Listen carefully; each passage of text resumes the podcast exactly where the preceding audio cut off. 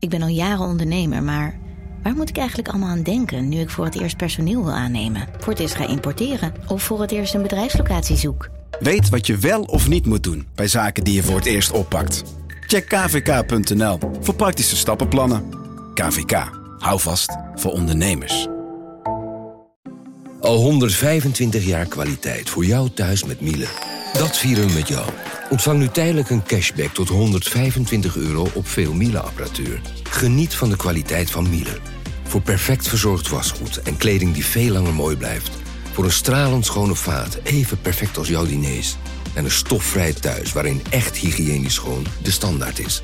Check miele.nl voor alle feestelijke aanbiedingen.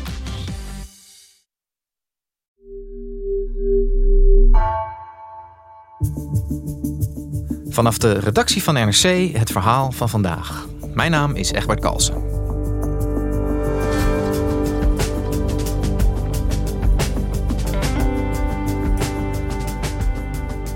Minister Rob Jette besloot vorige week dat de kolencentrales weer op volle capaciteit mogen gaan draaien. Nu gas door de oorlog in Oekraïne schaars en dus duur geworden is, lijkt dit het minst slechte alternatief. Klimaatredacteur Paul Luttekhuis verwacht dat de overheid haar greep op de energiemarkt nog verder zal moeten verstevigen. Wat blijft er over van de ambitieuze klimaatplannen?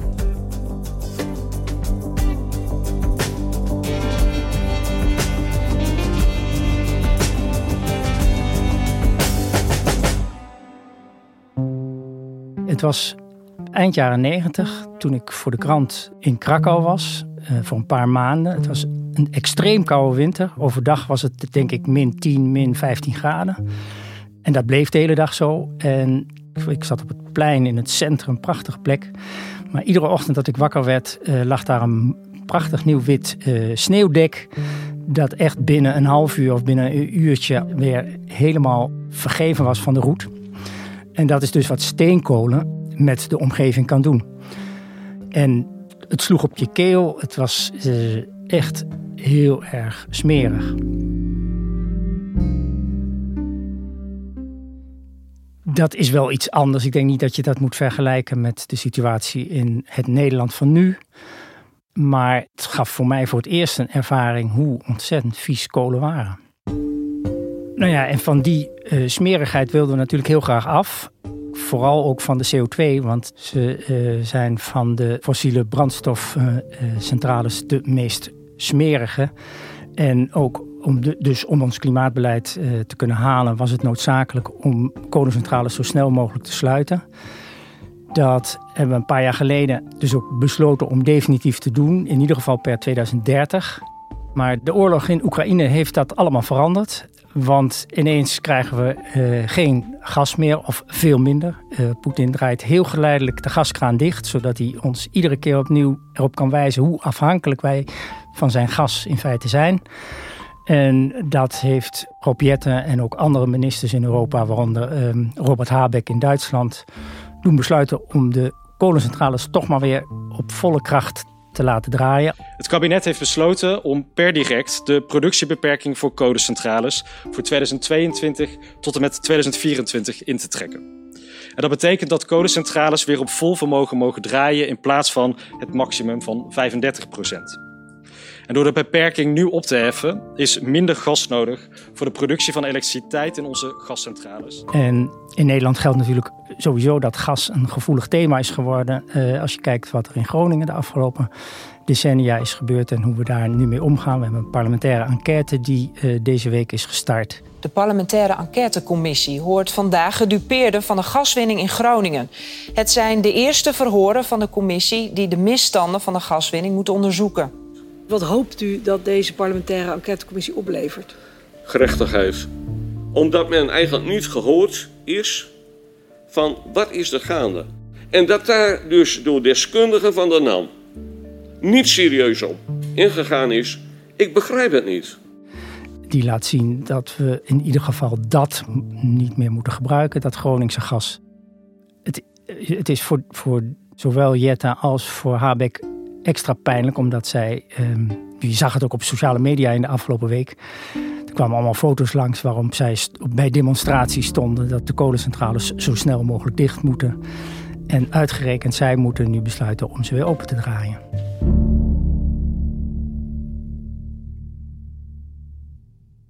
Paul, jij bent uh, klimaatredacteur bij NRC. Schrijft er al heel lang over. ik weet niet of je in Krakau destijds ook al over het klimaat schreef. Maar, ehm, het was in ieder geval niet de aanleiding om er naartoe te gaan. Nee, maar je, je zag daar wel de werking van kolen en van kolencentrales. Kan jij eens vertellen hoe het zat met de kolencentrales in Nederland voordat de oorlog in Oekraïne uitbrak? hoe, hoe, dicht waren we bij het helemaal stoppen met kolen in Nederland?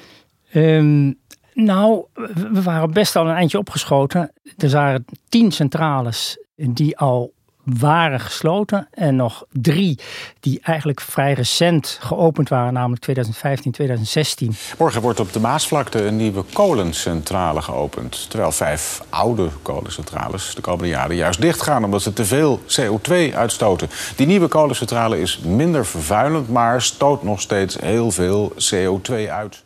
Tegen veel druk van milieuorganisaties destijds al in. Die zeiden, daar moet je niet meer aan beginnen, want kolen heeft zijn tijd gehad en het kan niet meer binnen het klimaatbeleid. Want 2015 eh, was ook het jaar dat we in Parijs een klimaatakkoord sloten. Dus het wonderlijke besluit om toen nog nieuwe kolencentrales te laten bouwen, ja, was eigenlijk destijds vrij vreemd.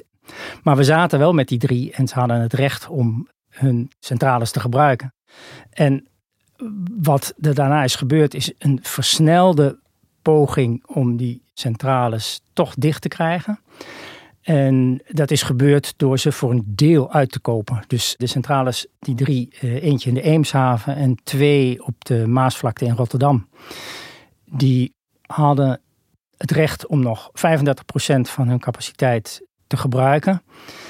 En voor de rest kregen ze um, vele miljoenen mee om te stoppen. En dat was dus ook de situatie voordat de oorlog in Oekraïne begon. Ja, dus we waren een eind op weg met het, met het in ieder geval afschalen van die centrales. En dus misschien zelfs wel deels sluiten. Daar hadden we ook een hoop geld voor over. Mhm. Eh, nu gaan ze weer aan onder druk van uh, de crisis in de Oekraïne. En um, hoe, hoe, makkelijk is dat eigenlijk om zo'n centrale weer op te schalen? Kan je dat gewoon, is het een kwestie van uh, het vlammetje hoger zetten? Nou ja, kijk, het is op zichzelf relatief gemakkelijk om dat te doen. Maar je moet wel eerst weer zorgen dat je voldoende kolen krijgt. En dat is uh, ingewikkeld geworden, want uh, in principe haalden we een groot deel van de kolen die we nog gebruikten uit Rusland. Maar het is in die sanctiepakketten een van de eerste dingen waar we mee zijn gestopt. Dus die moeten we nu elders op de markt uh, zien te veroveren. En wat er dus vervolgens gebeurde, is dat er schaarste ontstond en dat de prijs flink omhoog ging. Eh, weliswaar niet zoveel als gas, maar eh, kolen zijn volgens mij inmiddels vijf keer duurder geworden. En gas iets van tien keer duurder. Dus dat maakt dat het ingewikkeld is geworden om aan, allereerst aan genoeg kolen te komen en om, ook om een concurrerende prijs daarvoor te krijgen. Hey, en even om een beeld te krijgen, hoe belangrijk zijn die kolencentrales in de hele Nederlandse energiemix? Welk deel van onze energie halen we daar vandaan? Uh, dat, ik, ik heb uh, even gekeken. In 2020 was dat nog iets van 6%.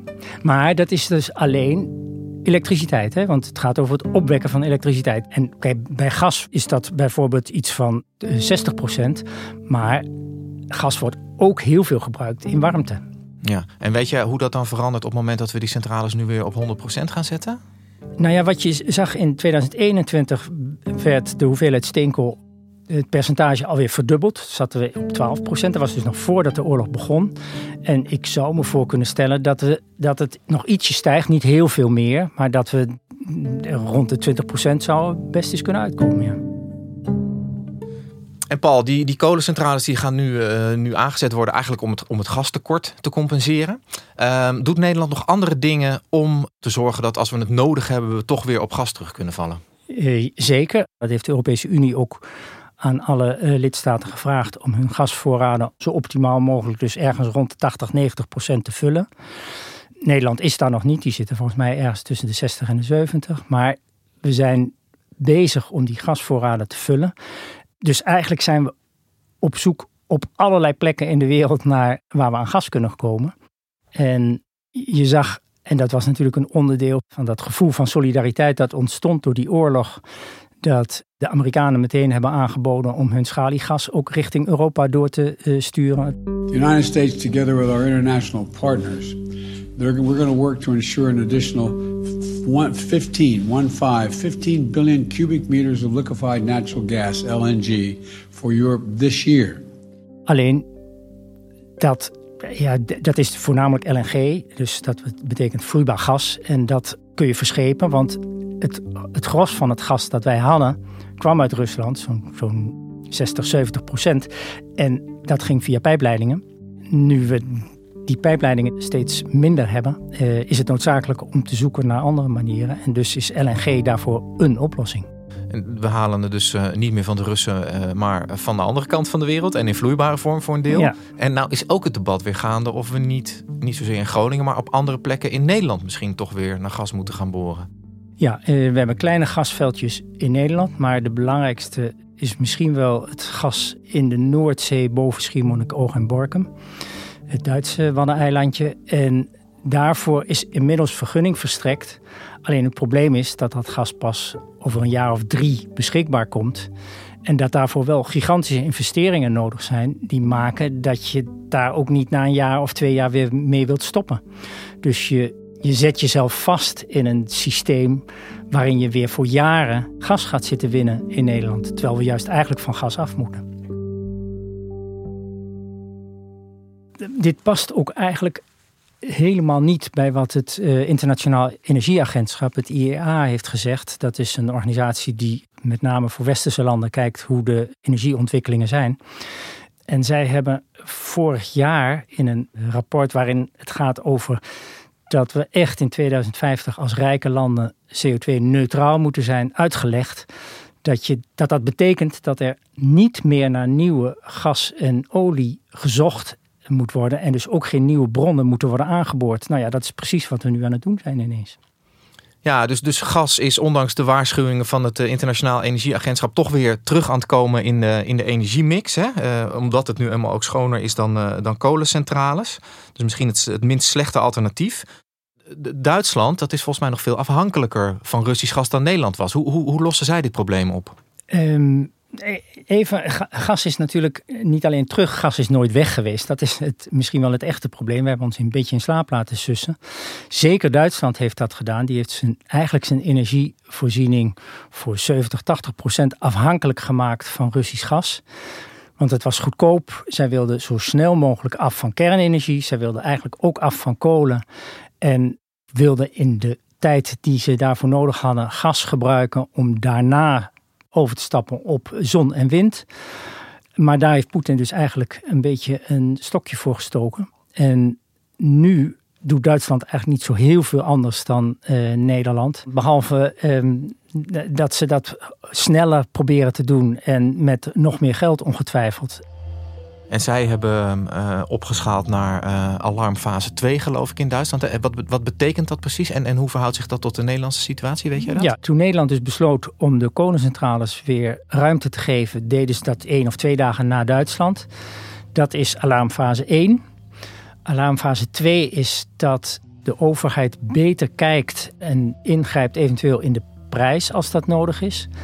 Maar het blijft nog steeds een beetje, naar mijn gevoel, gerommel in de marge. Want het echte werk is alarmfase 3. Dat is als de overheid eigenlijk de energiemarkt volledig naar zich toe trekt.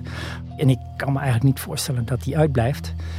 Uh, als die wordt ingeschakeld, pas dan is de overheid echt, neemt de touwtjes in handen. En jij zegt, ik kan me niet voorstellen dat dat uitblijft. Waar zitten we zeg maar tussen 1 en 3 wat jou betreft? En wat gaat er dan gebeuren op het moment dat fase 3 aanbreekt? Nou, bijvoorbeeld bij het uh, vullen van de Nederlandse gasreserves. Ook dat gebeurt op dit moment op vrijwillige basis. Weliswaar wordt er met subsidies en met, uh, met druk en controle, dus de Nederlandse overheid kijkt mee, gekeken of we dat goed doen. Maar daar zit nog steeds geen verplichting achter. En ik denk dat er een moment komt waarop dat ja, of noodzakelijk wordt, of in ieder geval de snelste manier om het te doen. Als je kijkt wat er, dat wordt vaak genoemd als het over klimaatbeleid gaat, dat beroemde voorbeeld van de Amerikaanse auto-industrie. Die moest uh, ineens zei de Amerikaanse president tijdens de Tweede Wereldoorlog: Zo, en nu gaan jullie vliegtuigen bouwen. En die auto-industrie zei: Ja, dat kan niet, want wij zijn toch auto's en dat, en dat kost tijd. En zei: Ja, nee, dat gaan we gewoon doen. En binnen drie maanden was die hele auto-industrie totaal omgebouwd in een oorlogsindustrie. Ja. Dus het kan wel, maar het, het vraagt een overheid die daarin de keuzes maakt. En eigenlijk heb je het dan over, in, in het geval van gas, over een soort nationalisatie van de energiemarkt, zou je dan kunnen zeggen. Ja. Een hele dwingende rol van de overheid in, in wie er eh, wel en niet eh, wat moet maken en wat mag gebruiken. Hoe, hoe ziet dat er concreet uit in Nederland, zo'n fase 3? Nou, er zijn. Kijk, de, Nederland heeft bijvoorbeeld kunstmestfabrieken eh, in Zeeland. Die gebruiken enorm veel energie. Je kunt besluiten om, om ze wat minder te geven. En een ander voorbeeld, de aluminiumsmelterijen in het noorden. Ja, eigenlijk, de- ook aluminium vraagt enorme hoeveelheden energie om eh, geproduceerd te worden. Ook daarvan zou je kunnen zeggen, nou, misschien moeten we daar even een, een tandje lager. Dat gaat dus over het gedwongen afkoppelen van zeg maar hele zware industrie, zou je kunnen zeggen. Met als doel dat jij en ik nog warm kunnen douchen. Is dat zeg maar de korte samenvatting? Ik denk dat dat voor in ieder geval de overheid op dit moment de korte samenvatting is. Wat, in, wat ze hoe dan ook willen voorkomen, is dat de centrale verwarming uitgaat. Hey, en Paul, nu, ehm, nu ehm, eh, moet Jette dus eigenlijk noodgedwongen door de hele situatie die kolencentrales weer gaan aanzetten. En dat zie je niet alleen in Nederland, maar ook op andere plekken. Kiepert hij nou als een ambitieuze klimaatplannen hiermee overboord? Hoe, hoe zie jij dat? Nee, dat denk ik eigenlijk niet. Kijk, hij houdt vast, al is het de vraag of hij dat vol weet te houden, maar hij houdt vast, net als overigens Habeck in Duitsland, aan het definitief afkoppelen van alle kolencentrales voor 2030. Ja, en, en heeft dat dan zeg maar qua klimaatambities helemaal geen effect? Eh, dat die kolencentrales nu weer aangaan? Ja, dat heeft, ja, natuurlijk heeft het effect, want op dit moment eh, groeit de CO2-uitstoot. En die, ja, die ben je niet meer kwijt. Maar kijk, de- een van de redenen waarom we eigenlijk vrij snel toen naar die 35% capaciteit gingen, was omdat de rechter de Nederlandse staat heeft gedwongen om zich te houden aan de beloftes die ze zelf hadden aangegeven. Namelijk een reductie van CO2 met 25% in 2020 ten opzichte van 1990. Dat is die beroemde Urgenda-zaak, hè? Ja, toen Ja. kwam Urgenda die zei: hé, hey, maar wacht eens, dat doen we helemaal niet. Dus eh, dat moet, want dat hebben we gezegd. Zoals we dat nu met stikstof ook zien. Dan ga je naar de rechter en die houdt ei- eigenlijk de staat aan zijn beloftes. En dat is met die Urgenda-uitspraak ook geweest. En uiteindelijk hebben we, je kunt zeggen, min of meer geluk gehad dat, dat we een andere crisis, namelijk die van corona, die zijn we een beetje vergeten. Maar die heeft er natuurlijk ook toe geleid dat we dat, we dat doel, dat Urgenda-doel hebben gehaald. Alleen daar gaan we nu wel weer een beetje overheen, denk ik. Ja, en, en hoe reageren die milieuclubs zo'n Urgenda? Hoe reageert die dan op dit besluit van Jette? Dat wisselt een beetje. De Urgenda zelf zegt van, nou ja, ik snap dit, want het is een crisissituatie. Dat zei Marjan Minnesma. Nou ja, ik overzie natuurlijk niet de hele Europese markt. Maar ik heb wel met het ministerie gesproken en met een heel aantal experts. En die zeggen van ja, we moeten dit nu gaan doen. Want we weten niet wanneer Poetin de knop nog verder naar beneden draait. En als je dan pas gaat handelen, ben je echt te laat. Zij keek ook iets breder en zei... Maar wij doen dit niet voor onszelf. Wij doen dit echt voor Europa. Als het Europese systeem crasht, dan crashen wij ook. Dus Ja. we, we moeten dit samen oplossen. Dus zij is eigenlijk redelijk mild, zou je kunnen zeggen, Ja. over dit besluit. Tegelijkertijd, jij zei ook, de rechter toetst eh, of Nederland zijn, eh, zijn, zijn klimaatambities eigenlijk wel haalt, hè, jaarlijks. Zou de rechter nog zeg maar, iets kunnen doen tegen dat aanzetten van die kolencentrales? Of zijn er sancties denkbaar dat Nederland dit toch niet mag doen en iets anders moet doen? Nee, dat, de rechter gaat dat niet zeggen. Want de rechter heeft destijds in het Urgenda-vonnis ook alleen maar gezegd wat het einddoel moet zijn. En niet gezegd hoe je bij dat einddoel moet komen. Dus of dat met of zonder kolen is, maakt niet uit. Het enige wat je wel kunt zeggen is dat het met kolen een stuk lastiger zal zijn dan zonder. Dankjewel, Paul. Graag gedaan.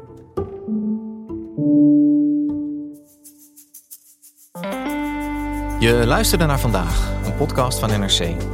Eén verhaal, elke dag. Deze aflevering werd gemaakt door Dirk Hooyer, Henk Ruigrok van der Werven en Jeppe van Kesteren. Dit was vandaag, morgen weer.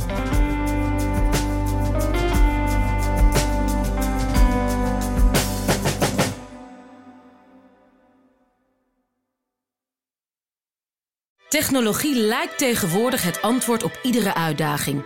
Bij PwC zien we dit anders. Als we de potentie van technologie willen benutten, kunnen we niet zonder een menselijk perspectief. Human-led, tech-powered noemen we dat. Ga naar pwc.nl.